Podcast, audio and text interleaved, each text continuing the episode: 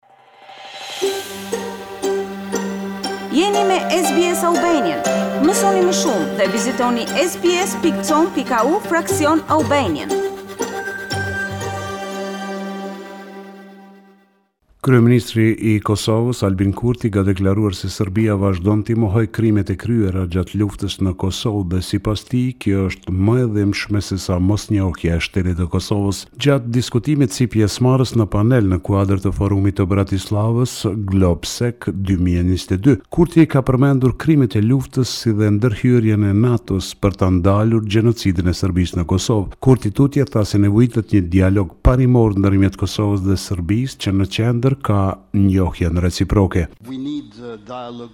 Kemi nevojë për një dialog që do të jetë parimor midis palëve të parabarta për një marrëveshje ligjërisht detyruese për normalizim të plotë të marrëdhënieve me Serbinë, të përqendruar tek njohja e ndërsjellë. Fatkeqësisht Serbia po thotë që nuk do të na njohin kurrë dhe përtej kësaj, as nuk i marrin parasysh, nuk i njohin krimet e kryer në të kaluarën. Që të jem i sinqert, kjo e dyta na ofendon shumë më shumë sesa ajo e para. Kryeministri Kurti gjatë diskutimit foli edhe për nismën Ballkani i Hapur, për të cilën nismë tha se Kosova mbështetet vetëm tek Procesi i Berlinit.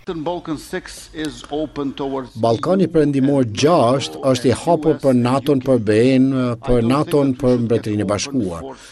Nuk besoj që duhet të hapemi për ndonjë ndërhyrje verilindore ose lindore. Jemi në rregull me këtë dhe mbështetemi shumë tek Procesi Berlini 2.0 tashmë me një nisje të freskët nga kancelari Scholz e mbështesim iniciativën e BE-s me vlerat evropiane. Kryeministri i Kosovës deklaroi se është e qartë se Serbia kishte eksploatuar frustrimin e Shqipërisë dhe Maqedonisë së Veriut lidhur me negociatat për hyrje në BE duke e hartuar planin për Ballkanin e Hapur. Ai po ashtu deklaroi se Kosova pret përgjigje pozitive nga Këshilli i Evropës ku ka aplikuar për anëtarësim. Kryetari i Kuvendit të Kosovës, Glauk Konjufca, gjatë vizitës në Greqi ka thënë se për dallim nga shtetet që nuk e kanë njohur Kosovën, Greqia ka një qasje më pozitive ndaj Kosovës, meqë njeh pasaportat, njeh shtetësinë e qytetarëve të Republikës së Kosovës. Ai u shpreh i bindur se njohja nuk është e largët. Ne me Greqinë kemi relacione gjithçka përpos formalizimit të njohjeve.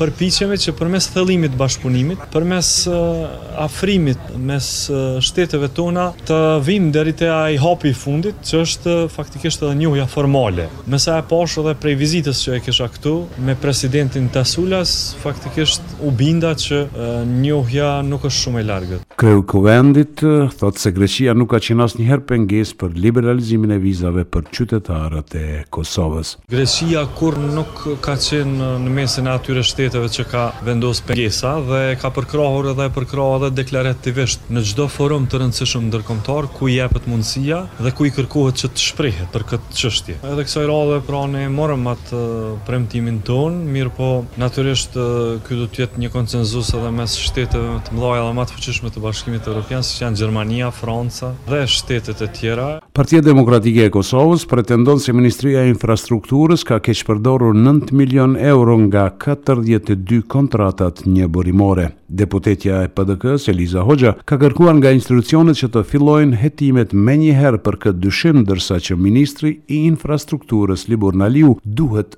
të dorëhiqet. Ne edhe sot, nga këtu, vazhdojmë të kërkojmë llogaridhënie dhe përgjegjësi ndaj akterëve të përfshirë në këto afera dhe nuk do të lejojmë që abuzimi me nëntë milionë euro nga dyzet e dy kontrata në tavolinë apo nën tavolinë të kalojë pa një përgjigje për ne, dhe për qytetarët e Kosovës. Më e pakta që mund të bëjë ministri Aliu është që të jap dorëheqje morale dhe të lënë mundësi për hetimet në këtë fushë.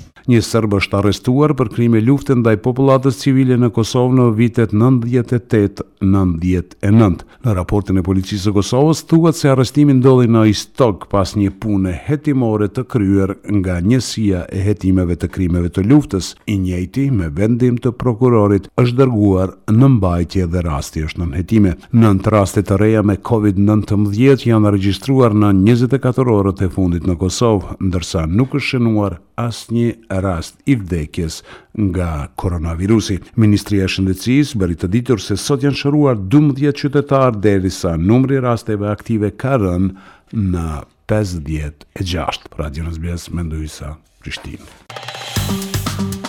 A ju pëlqeu ky reportazh? Për më shumë vizitoni Apple Podcast, Spotify ose faqet e tjera të podcast.